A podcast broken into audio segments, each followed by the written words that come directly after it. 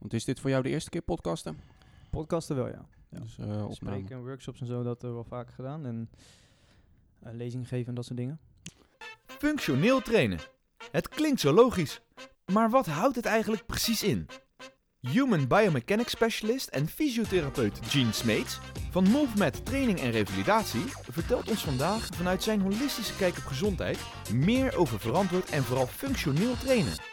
Welkom bij de Coach Knowledge Podcast. Nou, welkom uh, bij de Coach Knowledge Podcast, uh, Gene. Dankjewel. Uh, fijn dat je er bent vandaag. Uh, we beginnen altijd met een vaste openingsvraag voor onze gasten. Mm -hmm. nou ja, uh, in principe ben je geen coach, dus we, wederom denk ik wel interessant om te weten wat jouw gedachte daarover is. Wat is coaching voor jou? Ja, voor mij is, ik, ik, voel me eigenlijk wel degelijk een coach. Um, want voor mij betekent dat eigenlijk dat ik mijn cliënten help aan te sturen, te begeleiden. En er zit ook een stuk bekrachtiging in. En dat is voor mij dat is het beste om het te realiseren als je een vertrouwelijke relatie eerst opbouwt met je cliënt. Want die vertrouwelijke relatie kan er vervolgens voor zorgen dat je uh, die cliënt kan educeren, motiveren en uiteindelijk ook verantwoordelijk kan stellen. En daarmee kan je resultaten gaan halen. Ja, heel interessant antwoord. Uh, trouwens ook een dingetje zag ik op je website van... Je, jullie zeggen, we zijn geen visio, we doen visio. Ja, Vind ik wel klopt. interessant. Wat, uh, wat bedoel je daar nou precies mee? Klopt, ja. Um, ja onze collega's uh, en ikzelf, wij zijn afgestudeerd als fysiotherapeut. Alleen we zeggen bewust niet dat we het zijn. Dus als ik over mezelf spreek, ik ben Gene Smeets, maar ik doe fysiotherapie. En ik kies ervoor om dat in die taal uit te leggen, omdat fysiotherapie, als je mensen vertelt dat je een fysiotherapeut bent, dat, daar is gelijk een bepaald kader aan gekoppeld. Dus als mensen bij ons naar de fysiotherapie uh, of voor een fysiotherapiebehandeling komen in de praktijk, dan denkt men vaak, oh dat betekent dat ik lekker mag gaan liggen, dat wordt betaald door de verzekeraar, ik hoef niks te doen, bla bla bla. En allemaal dingetjes wat daar omheen hangt. Wat het gevolg is geweest hoe het vak in elkaar steekt al nou, tientallen jaren. Uh, maar dat is een, dat is een belemmering. Uh, en ik wil van die refer referentiekaders af. Dat is het korte antwoord daarop. Oké, okay. daar gaan we denk ik uh, wel later op terugkomen in ja, deze ja, uitzending. Nou ja, het hoofdthema van deze uitzending, uh, wat is de weg naar de optimale training? En vooral, nou ja, ik ben heel veel be bezig met bewegingsleer en hoe het lichaam beweegt, wat voor energieën daarbij komen en doen. Mm -hmm. Er zijn er heel veel mensen die daar altijd zeggen van dat klinkt altijd wat zweverig als we over energieën gaan praten. Zeker, dat kan ik me heel goed voorstellen. Uh, dus we gaan proberen om uh, mensen die daar misschien wat anders over te denken te overtuigen om misschien iets anders te denken. Mm -hmm. En uh, jouw visie over te brengen. En dan komt gelijk al bij de vraag eigenlijk, wat is jouw visie over bewegen en gezondheid? Ja, dat is, een, dat is een hele goede vraag. En ik denk dat er ook niet één specifiek antwoord op is. Dus wat ik belangrijk vind is om eerst een, een definitie van gezondheid uit te spreken als eerste. Die ik heb geleerd van Ruud Elvers. Dat is een klinisch psychologisch neuroimmunoloog. Die heeft mij geholpen met klachten en is eigenlijk mijn collega geworden. En de definitie daarvan is als volgt. De gezondheid is een toestand van hoog energetisch zijn, dat zich wortelt in adaptie, met zelfhandhaving en zelfheling als de expressie daarvan. Oké, okay, en nu in je Janneke taal? Dat betekent dus eigenlijk, hoe meer energie jij maakt, hoe gezonder je bent. Oké, okay, nou ja, dat is vrij simpel en makkelijk. Dus om terug te komen op wat mijn visie is met betrekking tot gezondheid en bewegen, betekent dat je in de eerste instantie veel energie moet maken als mens zijnde. Jouw cellen, jouw de, de, de energiefabriekjes in jouw cellen, je mitochondria spreken we dan over, daar gaan we niet diep op in, maar de celletjes die energie produceren, die moeten flink aan de bak. Als dat niet goed zit, als jij niet genoeg energie produceert, als jij bij wijze van spreken een, uh, een fles hebt die is half leeg, maar je moet wel uh, zes glazen vullen, dan gaat dat op een gegeven moment natuurlijk niet meer. Dat is stap 1. Dus wanneer men bij ons binnenkomt, en ik werk als fysiotherapeut, dan checken wij altijd naar een, een top 2 of 3 van onderwerpen waarvan wij denken, als wij die tackelen, dan hebben we de meeste kans op herstel. Of in ieder geval op, op uh, voortgang. Dus dat is aan onze taak om herstelbelemmeringen op te gaan zoeken. Of er komt vaak altijd een, een punt uit waaruit blijkt, men verliest hier energie door. Nou, 9 van de 10 keer, omdat ze bij ons komen voor fysiotherapie, heeft dat te maken met bewegen. Dus dat kan zijn, iemand heeft een blessure gehad en daar bepaalde triggerpoints of knopen opgebouwd, waardoor er heel veel uitdroging plaatsvindt. Uh, uh, verkorting in range of motion, bepaalde houdingen die niet bijdragen en daardoor sneller geblesseerd raken, wat pijn geeft of wat dan ook. Maar het kan bijvoorbeeld ook zijn dat iemand slecht slaapt, niet optimaal herstelt, uh, slecht eet, slecht drinkt, suboptimaal beweegt, uh, te kamp, uh, kampt met traumatische ervaringen, stress, depressies, wat ook heel veel energie vreet. Nou, wat dat allemaal gemeen heeft, is dat het gewoon te veel energie kost. En energie die je kwijtraakt, die kan je natuurlijk niet investeren in gezondheid of in herstel of in nog meer trainen. En dus om weer terug te komen, eerst meer energie maken. En aan onze taak om dat in balans te krijgen. Oké, heel interessant antwoord. Uh, denk ik ook wel voor sommigen heel technisch, maar ik, denk, ik kan hem volgen. Dus ik hoop de luisteraars vooral ook. En wat is volgens jou de goede houding dan van een trainer om tot ja, die optimale training te komen? Want daar zijn we natuurlijk naar op zoek, naar de weg naar de optimale trainer. Wat voor houding moet je daar als trainer-coach zelf voor hebben, vind jij? Ja, ja hoe ik erover denk, um, is het voorwaardelijk en belangrijk dat de coach streeft om het voorbeeld te kunnen zijn wie de cliënt kan worden. Dat ten eerste. Ja, of zij sporter, atleet die hij begeleidt, zeg maar. Juist. Dus uh, nou, ik heb geen ervaring met hockey. Dus ik ga geen, uh, geen hockey-spelers uh, gaan vertellen hoe ze een stick moeten vasthouden. En ga zo maar door, even om een voorbeeld te geven. Maar in ieder geval een voorbeeld zijn voor wie de cliënt kan worden. Dat is één. Um, en voor de rest, qua goede houding, zou ik zeggen... Um, het is belangrijk om een vertrouwensrelatie op te bouwen. Want als je iemand gaat coachen, betekent dus dat je iemand moet gaan helpen om op plekken te komen waar diegene nog niet is geweest. Wellicht dat die cliënt daarvoor ook dingen moet doen die hij nog niet kent en wellicht niet mee eens is. En daarvoor is dus een hoop vertrouwen voor nodig. En daarom is het dus belangrijk om een voorbeeld te kunnen zijn voor, die cliënt, voor wie de cliënt kan worden, denk ik. Maar dat bedoel je dan meer in gedrag en hoe je het doet of bent? Zeker. Want eh, alles wat jij doet is een conclusie geweest op basis van eerdere ervaringen. Dus ik kan pretenderen dat ik iets of iemand ben, of ik kan het uit en daarin zie je meteen dat ik niet lieg. Dus als ik een bepaalde levensstijl heb, dan, dan, draag ik dat uit. En dat wat ik uitdraag, dat moet jij meteen kunnen opvatten als... ik geloof hem daarin. Wat hij nu uitspreekt, ja, ik, ik vertrouw hem en ik ga doen wat hij me vertelt. Uh, daarnaast is het belangrijk, vind ik, om nederig te blijven als coach. Want je weet nog niks. Je weet in principe niets. Wat ik leer is, hoe meer ik leer, hoe meer ik eigenlijk realiseer dat ik weinig weet. En het is ontzettend belangrijk om mechanistisch te denken om probleemoplossend te denken. Ja, oké. Dat bedoel je met mechanistisch denken, probleemoplossend. Probleemoplossend, ja. ja. Dus ik heb uh, deze cliënt voor me. We hebben deze problemen om te tackelen. Ik zeg maar wat. Uh, iemand uh, heeft in het looppatroon een uiting van nou, de heup zakt in, de knie zakt naar binnen, of wat dan ook. Of iemand die, die sprint niet goed. Dan heb ik een idee hoe ik dat moet oplossen, maar dan moet ik wel laten zien dat het ook op te lossen valt. Dus ik moet objectieve resultaten kunnen realiseren. Anders kan ik mezelf stoppen achter wetenschap of iets dergelijks. Mm -hmm. Maar zo zou ik het niet moeten benaderen. Om, een voorbeeld te geven, als ik kraan van mijn uh, keuken ontploft, of ik heb een lekkage ergens, dan heb ik een loodgieter nodig die die lekkage oplost. Maar als hij de lekkage niet oplost, dan moet hij vervolgens niet zeggen, ja, maar het werkt wel, want de studies zeggen dit en dat. Nee, het lekt nog, het moet niet meer lekken. Heel gechargeerd is dat eigenlijk waar ik naartoe wil. Zo zouden we moeten denken. We moeten verantwoordelijkheid nemen voor onze eigen acties, voor onze eigen verantwoordelijkheid. En als coach verantwoordelijkheid nemen voor wat jij je cliënt vraagt. En nederig genoeg uh, zijn om te kunnen zeggen, ik weet het nu niet, ik moet wellicht hulp inschakelen of geef mij de tijd om dit met jou op te lossen. Ik hoop dat dit het juist is. Die, uh, dat niveau van, ja, van nederigheid nogmaals is denk ik belangrijk. Is dat niet misschien meer een vorm ook van samenwerking zoeken met je atleet, sporten? Absoluut, ja. Absoluut, zeker ook, ja. Zeker weten. Alleen, uh, waarom ik dat zeg, is omdat in mijn ervaring zowel in de therapiewereld als in de coachingswereld, en dat kan mijn uh, gebiaste blik zijn, dat men vaak denkt te weten hoe iets werkt, omdat ze het gelezen hebben of een keer gehoord hebben, maar dat wil nog niet zeggen dat je het ook kan toepassen. En de valkuil is, is dat je in je eigen uh, verhalen gaat geloven zonder dat je nog niet eens resultaat hebt geboekt. En dat men vervolgens ook niet durft te zeggen als ze mis zaten. Als ik een, als ik een fout maak, of als iemand uh, onder mijn behandeling is en het blijkt dat diegene niet herstelt, of ik heb het verkeerde behandeld, zou ik altijd zeggen: Sorry, het is mijn verantwoordelijkheid geweest, ik heb het onjuiste gedaan. Als je dat niet kan als coach, ja, dat is, uh, dan lieg je tegen je cliënt. Dat, dat, dat zou nooit moeten kunnen. Je ego moet uit de weg staan. Ja, ik denk dat het ook wel een essentieel onderdeel is als trainer om een atleet te kunnen begeleiden en te ontwikkelen. Nou ja, op jouw website heb je het ook van een goede trainer straalt ook autoriteit uit. En ja, autoriteit en authenticiteit. Ja. ja, ja. Dus uh, je bent wat je zegt. Hmm. En je pretendeert niet dat je iets of iemand bent. Iedereen is een work in progress, dus uh, niemand is perfect. Ik ook zeker niet. Alleen ik streef er wel naar met een aantal facetten een voorbeeld te zijn voor wie de cliënt kan worden. Dus ik geloof dat dat wat jij wilt uitstralen, of laat me het anders zeggen, als jij iets wilt uitstralen, in dit geval autoriteit of authenticiteit, dan moet je dat zijn van binnen. En wat je niet bent van binnen, dat kan je ook niet uitstralen. En als je dat wel wilt, dan ga je pretenderen. Dus wat je vaak ziet, is dat mensen trend hoppen, als het ware, met betrekking tot therapievormen of, of, of uh, trainingsvormen. Dan doen ze weer dit, dan doen ze weer dat, dan verkopen ze weer dit, dan verkopen ze weer zus, dan verkopen ze weer zo.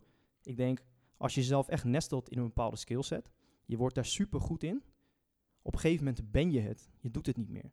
Dus bijvoorbeeld, uh, ik ben uh, lid van de lokale uh, boxclub. was ik vroeger ook heel lang geweest. En er zijn een aantal veteranen, om het zo te zeggen, die doen door heel hun leven. En heel veel competities gedraaid, weet ik het allemaal. En dan sommige gasten, sommige mannen die je dan ziet boksen, die doen het al zo lang, die doen niet boksen, die zijn het boksen. Kijk bijvoorbeeld, nou, ik zeg gewoon wat Cristiano Ronaldo, doet hij voetbal of is hij voetbal? Ja. Als je het zo bekijkt, dan zijn die gasten dus, ze, ze, doen niet iets, ze zijn het, want ze stralen het uit van binnen. En dus als jouw leefstijl zodanig is dat jij uitstraalt wat jij bent, dan ben jij de authenticiteit zelf, dan ben jij de autoriteit zelf. En ik geloof dat de cliënt dat oppikt. Het is natuurlijk een ander verhaal als jij bijvoorbeeld bij mij in de praktijk binnenkomt lopen en ik zit zo uh, niet met mijn lichaam staan naar jou toe. Ik kijk je niet aan, ik kijk naar mijn scherm en ik zeg, ja, doe maar uh, drie keer tien deze oefening, doe maar dit, doe maar dat, ik zie je volgende week. Of je hebt iemand die staat met een open houding naar je toe, die luistert naar je verhaal, die vertelt over zijn eigen ervaringen, bij wijze van spreken, en waarbij je een indruk krijgt van zo, deze kerel weet waar hij het over heeft en dit en dat. Dat maakt natuurlijk voor de cliënt uit wat voor ervaring hij daarvan oppikt en wat voor energie dat meegeeft. Dat is ontzettend belangrijk. Ja, ik denk ook zeker dat dat in uh, speler, sporter-atleet uh, relatie een essentieel onderdeel is van gaat jouw sporter-atleet aannemen wat je zegt en wat je doet. Exact, ja, dat denk ik, ik denk dat we wel tot een heel mooi antwoord zijn gekomen als het gaat om een goede houding voor een trainer. Dan uh, ja, gaan we langzaam werken naar die optimale training. We hebben een goede houding. We hebben aan onszelf gewerkt, want ik denk dat heel veel trainers ook aan zichzelf moeten werken om te zijn uh, en uit te dragen wat je wil. Exact. Wat je visie is. Mm Ik denk dat ook uh, een van de essenties is. Maar ook handig om daar een keer een aparte aflevering van uh, te maken. Om de uit te diepen. Kan je ook een half uur over vullen, denk ik. Ja, dit, dit, hier zitten zoveel zijstraat in dit verhaal. Dus ja. ik hoop dat ik het een beetje uh, nou, rode draad kan uh, Lukt aardig, hopelijk.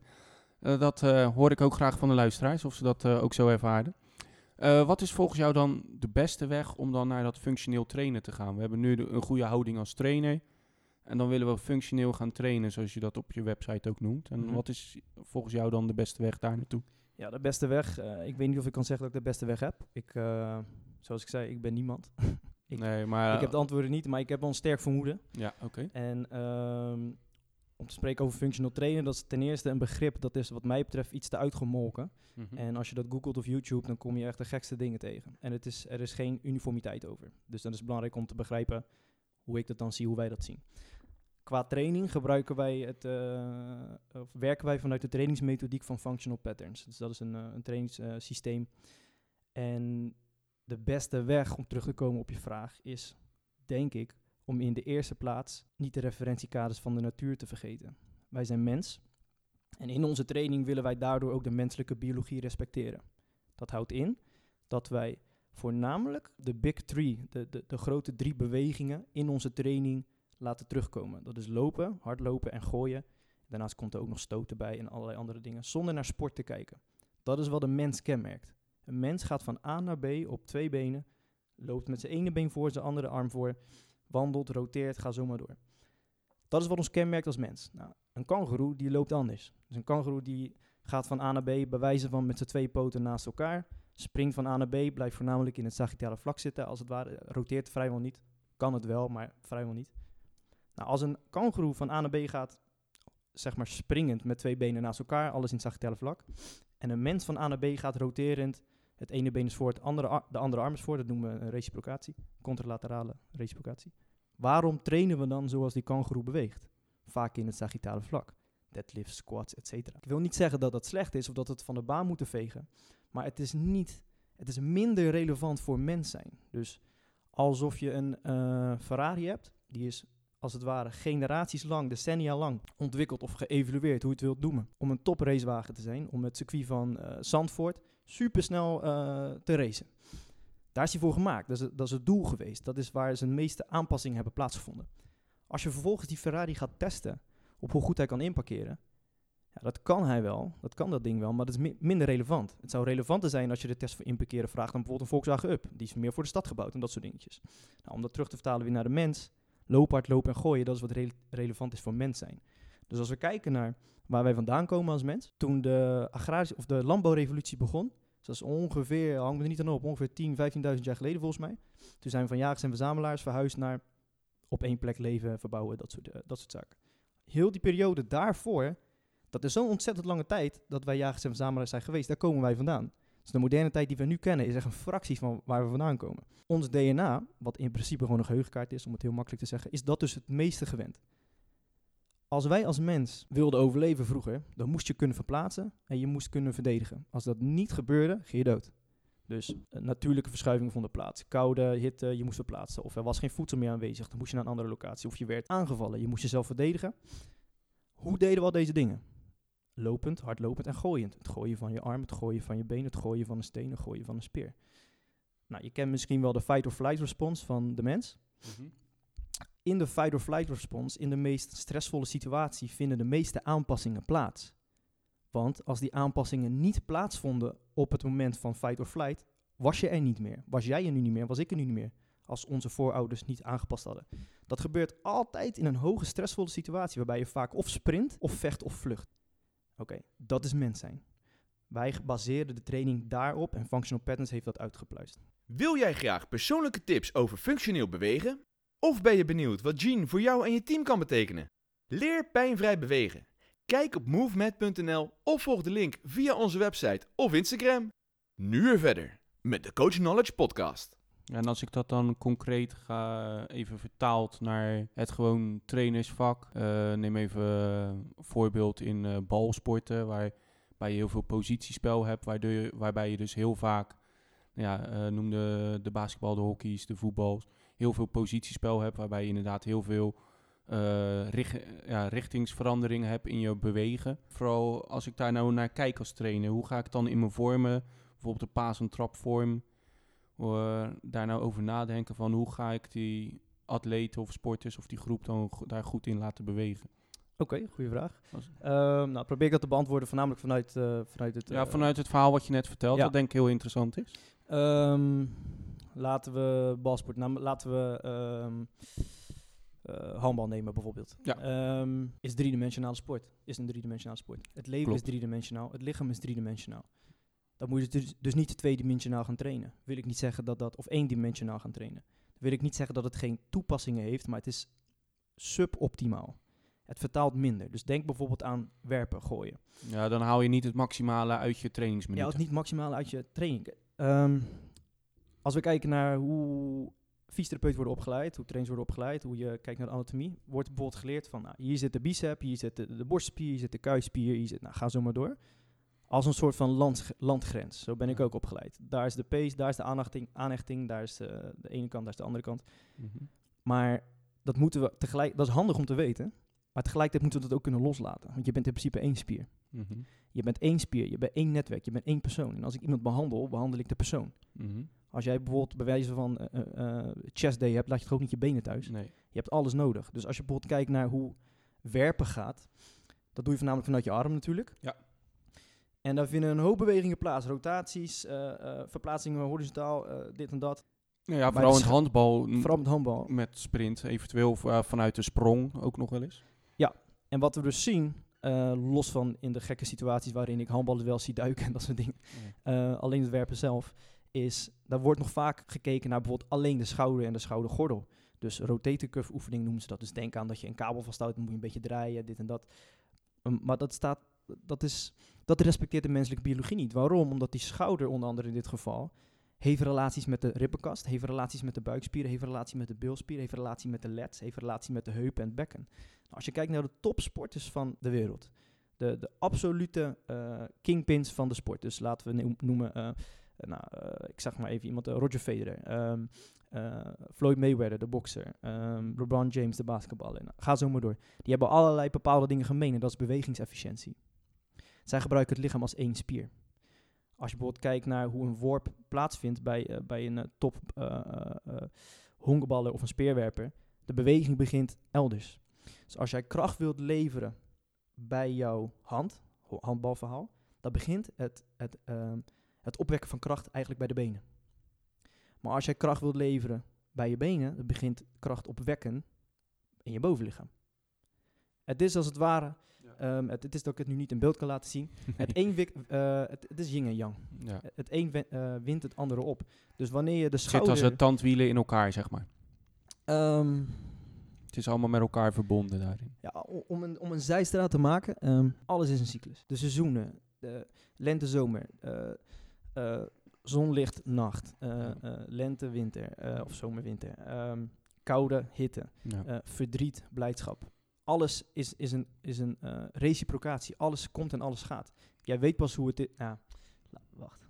Dat wordt een te grote zijstaat. Ik, ik doe even een stapje terug naar die schouder. Ja. Als je dus wilt weten als coach zijn hoe je bijvoorbeeld je atleten beter kan voorbereiden op het werpen en, en het voorkomen van blessures, dan dien je dus te trainen waarin je de schouder betrekt bij het hele lichaam. Mhm. Nou, dat is hoe wij trainen. Alle spieren moeten bijdragen om één functie voor elkaar te krijgen. En op het moment als jij een taak verplaatst naar een aantal spiertjes, wordt overbelasting groter. Ja, dus dat is uiteindelijk de concrete tip die je dan aan die balsporttrainer of wat voor trainer dan ook wil meegeven. Ja, betrek het hele lichaam in de context van de beweging. Ja, dus als we gaan, nou noem even eh, een lay-up gaan doen bij eh, basketbal, zorg dat eigenlijk de hele oefening klopt, zodat de gehele energie in het lichaam komt waar je hem wil hebben. Ja, het, het is, ja het, het is redelijk lastig uit te leggen, weet je. Stel je voor, ehm, ik, je bent een bokser bijvoorbeeld en eh, je, je moet stoten, directes geven, hoeken maken. Als ik een hoek beter wil geven, harder wil, wil Ja, kunnen moet leveren. je, dat leerde ik ook altijd op de bokschool. Moet je eerst eh, beginnen, begonnen altijd van ons bij voeten goed neerzetten, en dan vanuit de heup, Exact. bovenlichaam en dan pas kwam eigenlijk de slinger in je vuist. Dus als, je, ja, dus als jij dus daarin eh, efficiënter wilt worden, vertaalt een benchpress bijvoorbeeld dan heel goed naar een hoek leveren? Nee, ik denk het niet. Want de, de, de mate van in dit geval een hoek leveren, daar zit eh, precisie bij, coördinatie, eh, horizontale krachtvectoren. Dat, matcht niet met de benchpress. Dus het is belangrijk om als coach zijnde te bedenken, ehm, doen ze een oefening uit gewoonte of is het intentioneel? Wat is de relevantie van deze oefening? Vertaalt het daadwerkelijk naar de taak die iemand moet uitvoeren? Kijk, wil je een powerlifter zijn, dan is het heel handig om benchpresses in je trainingsregime eh, te plaatsen. Maar ben je een handballer, wat driedimensionaal is, wat alle kanten op gaat, waarbij je vanuit hele lange hefbomen kracht levert, dan vertaalt een benchpress wat mij betreft echt niet.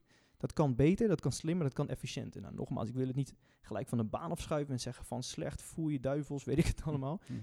Het kan beter. Nou ja, je wil gewoon een, vooral een andere manier van denken, een idee meegeven. Ja, Dat je vooral blijft nadenken van elke training die ik uitvoer, de bewegingen die daarbij de atleten maken, draagt dat bij aan wat een atleet zou moeten kunnen.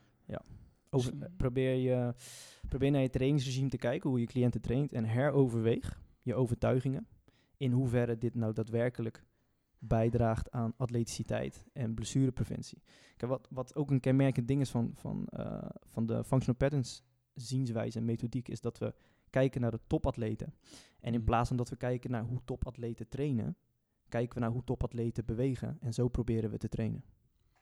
Ja, echt gefocust op die beweging. Ja, want de, top, de meeste topatleten die bizarre manieren van bewegen hebben en, en, eh, en genetische eh, eh, voordelen hebben, om het zo te noemen, die zijn al beest, ongeacht welke training je ze geeft. Als je een ABC-methode geeft, dan zijn ze nog steeds beest. Alleen dat wil niet zeggen dat als Usain Bolt eh, een benchpress-programma volgt, en jij ook, dat je daarmee net zo wordt als Usain Bolt. Wat hij in zijn DNA heeft zitten, wat overigens, ja, als je naar sporten kijkt, de, West-Afrikaanse atleten domineren de meeste sporten qua wat zij kunnen, zeg maar basketbal, eh American voetbal, sprinter, dat zijn over het algemeen West-Afrikanen. En als je bijvoorbeeld naar de Oost-Afrikanen kijkt, zijn weer meer marathonlopers, Kenianen, dat soort zaken. Waar ik naartoe wil is, ehm, de aanleg die dit soort gasten hebben en eh, de manier van bewegen, wat zij geprogrammeerd hebben in hun, eh, de software die zij hebben, waardoor hun hardware enorm goed presteert. Ja, dat, dat hebben wij leken niet. En om een beetje die kant op te kunnen trainen, trainen wij zoals zij bewegen, niet zoals zij trainen. Ik, ik hoop dat die een beetje... eh, Ja, nou, ik, ik snap hem wel. Dus dat je vooral meer zorgt dat je traint en de, op de manier, zodat je op dezelfde manier gaat bewegen, dezelfde manier energie in heel je lichaam gaat opzet, in, eh, inzetten naar die beweging toe, om zo effectief mogelijk uiteindelijk te gaan trainen. Ja, maak maar eens een, eh, een slow-mo, ma- maak maar eens een video-opname of een screen recording van, eh, nou, een, eh, een Floyd Mayweather die een serie zet op, op de zak. Ja. Speel dat slow motion vervolgens af en moet je eens kijken waar alles vandaan komt. En dan moet je daarna afvragen, nou, is een benchpress nou echt vertaalbaar naar boksen? Nee, dat is het niet. Nee, nou ja, wat ik net dat voorbeeld wat ik net al gaf van boksen wat ik had gedaan. Eh, nou ja, de eerste keer dat je een bokschool in komt, dan ga je inderdaad die lompe hoek geven. Totdat je na verloop van tijd hebt geleerd hem inderdaad vanuit die goede heupslingen te doen. Waarbij je, denk ik, gevoelsmatig 50% van de kracht levert. En dus zou je dus in principe Alleen- ook zo moeten trainen. Alleen effectief komt hij wel drie keer zo hard op die zak terecht. Ja, en dat, dat is een, eh, een, leuke, een leuk voorbeeld wat ik daarbij ook wil geven, is dat de mens die zich dus kenmerkt om van A naar B te gaan en te lopen, hardlopen en gooien, van A naar B gaan betekent horizontaal verplaatsen. Wij trainen met heel veel horizontale krachtvectoren. Oftewel kracht leveren van A naar B, horizontaal. De meeste trainingen zijn verticaal ingericht. Als je nu even uh, gechargeerd gezien, als je nu kijkt naar de, huidige staat, squats, benches, deadlifts, en dat soort dingen. Vaak eendimensionaal en uh, verticaal georiënteerd. Nou, nogmaals, het kan wel zijn plaats hebben in bepaalde contexten. Ik zeg ook niet dat je het van de baan moet vegen, nogmaals. Maar meer gebruik maken van horizontale krachtvectoren, dat is wat mensen wat beter aansluit op de menselijke biologie. Want wij gaan van A naar B horizontaal. Waarom trainen we dan ook niet zo? Dat is toch, dat is toch gek? Ja, dat is dan wel inderdaad, als je daarover nadenkt, uh, bijzonder. Precies. Uh, ik denk dat we al heel veel ervan beantwoord hebben, maar toch uh, ga ik hem ook nog een keer expliciet vragen. Hoe ziet jouw ideale trainingssysteem eruit? Ja, dat, dat is dus een systeem of een, een methodiek die de gate cycle, dus de, het lopen, hardlopen en gooien, het looppatroon, als basis, als fundament gebruikt, als functioneel fundament. Um, waarbij je dus intentioneel traint, niet uit gewoonte. Oh, vandaag is bij wijze van spreken backday, nou ik doe deze en deze en deze apparaat even achter elkaar. Nee, wat wil ik trainen? Welke bewegingen komen daarbij kijken? Hoeveel gewrichten heb ik daarvoor nodig? Welke, uh, in welke bewegingsvlakken beweeg ik? Vertaal dit goed naar mijn taak of sport waarvoor ik het doe. Op die manier denken. Uh, en het moet relevant zijn. Daarnaast, uh, of dan pas, dus als je dat, dat functionele fundament gelegd hebt in je training, dat kan je gewoon keihard, keihard je gewoon trainen. Dan ga je kijken naar sport of taakspecificiteit. Uh, dus ik zou zeggen, eerst mens zijn, dan specialist worden. Ja, oké. Okay. Uh, ook wel de rode draad door de aflevering, denk ik zomaar. Nou, ik denk dat we heel veel uh, interessante dingen hebben aangeraakt. misschien dat wat hoofdjes hier en daar al ontploft zijn aan informatie. Ja, dus Mocht dat zo zijn, neem vooral contact op en dan kan ik eventueel misschien nog extra uitleg. Of uh, Jean, die wil ook denk ik heel graag met jou in contact komen, want je hebt natuurlijk ook je eigen praktijk. Ja, dus we zijn, we zijn nu gevestigd in een sportschool, maar we gaan verhuizen. En de website die nu live is, die is nog niet af. Maar ik heb hem toch online gezet voor de mensen die um, bijvoorbeeld fysiotherapie nodig hebben. Kunnen ze wel via onze website naar de knop maak een afspraak. Kom je in onze online agenda en dan kan je toch geholpen worden. Het moet nog wat opgefrist worden, maar het is in ieder geval al werkend. Dus mocht je informatie vinden, kan je daar al wat vinden. Maar mocht men echt uh, geïnteresseerd zijn, zou ik zeggen, neem gewoon contact met mij op. Ja, top. ik, uh, ik zal ook op onze website in ieder geval een link naar jullie website. Dus zo uh, simpel is het dan ook wel weer. als je hem niet zou kunnen vinden, kan je het in ieder geval via onze website vinden. En dan kom je uiteindelijk bij Jean terecht, bij, op zijn website. Waar ook nu inderdaad de kennisbank is, die nu nog redelijk sumier is, maar ik verwacht uh, later als uh, alle rollen lopen voorzien zal worden van hele mooie informatieve stukken. En anders moet je me gewoon mailen. Precies, dat gaat goed komen. Dan altijd om in ieder geval het thema af te sluiten de vraag: wat is jouw gouden advies voor trainers in deze? Ik denk dat je misschien al een paar dingen hebt aangestipt, maar ik ga hem toch nog een keer expliciet vragen. Ja, um, adviezen. Ja, daar ga, ik, daar ga ik toch weer een lang antwoord van maken.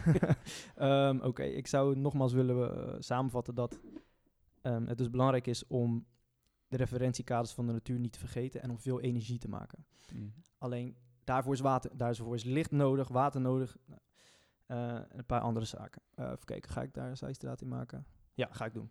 Dus zie je zo, die, die celletjes waar ik in het begin over had, ja. de energiefabriek. Hoe meer energie je maakt, hoe gezonder je bent. En hoe gezonder je bent, hoe, hoe meer een buffer je hebt op de gezondheidsrekening. Laten we het zo even noemen. Um, om die celletjes te laten werken, hebben we zonlicht nodig. Dus geen kunstlicht, maar zonlicht. Water en het magnetisch veld van de aarde. Die, die drie dingen zorgen ervoor dat zo'n cel optimaal kan werken. Wat dat betreft zijn we niet veel anders dan een plant. Die heeft precies hetzelfde nodig. Mhm.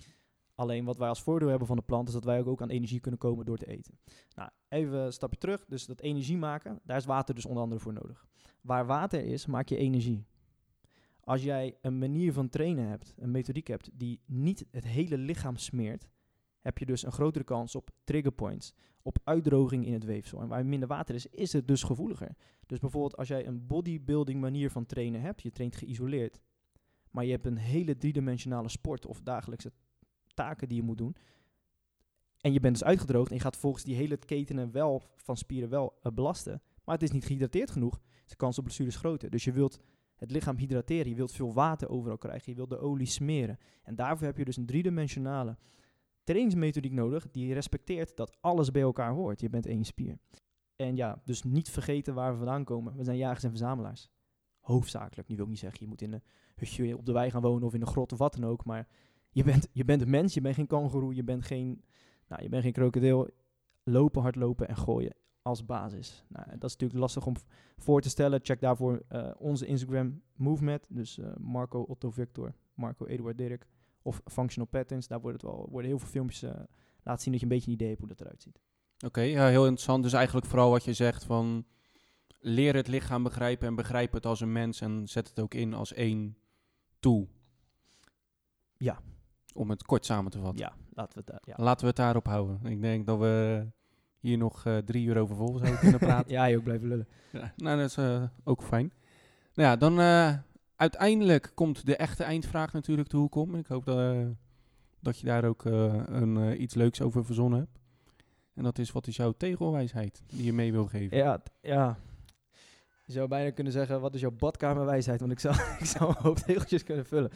Uh, in deze context waar we nu over hebben gesproken, zou ik zeggen, eerst mens zijn, dan specialist. Nou ja, dat is toch een hele mooie. Heel kort. Laten we het daarbij houden. Doen we dat. Dan uh, hou ik het hier ook bij. Dan was dit de aflevering en dan ga ik jou uh, heel erg bedanken dat je hier was. En dat je ons heel veel uh, mooie inzichten en nieuwe informatie hebt gegeven. Ja, ik hoop het. Ik hoop dat ik uh, Mehmet kan uitdagen. En uh, het, is, het is zeker niet dat ik denk dat ik alles weet of iets dergelijks. Maar het heeft me heel veel bezig gehouden. Ik heb heel veel mooie resultaten hiermee mogen boeken. En ehm, ja, om het heel cliché te zeggen, levens mee mogen veranderen. Heel veel groei kunnen maken. En ehm, ja, mochten mensen meer vragen willen of verduidelijking of willen willen discussiëren, ja, laat me weten. Het is coronatijd, dus ik heb iets meer tijd dan normaal. dus kom maar op. Is goed. Hey, dankjewel. Ja, ook bedankt, Mark. Bedankt voor het luisteren naar de Coach Knowledge Podcast. Wil jij meer te weten komen over coaching? Of zit je zelf met een vraag? Laat het ons weten. Ga naar onze website of Instagram en vergeet ons niet te volgen. Tot de volgende keer bij de Coach Knowledge Podcast.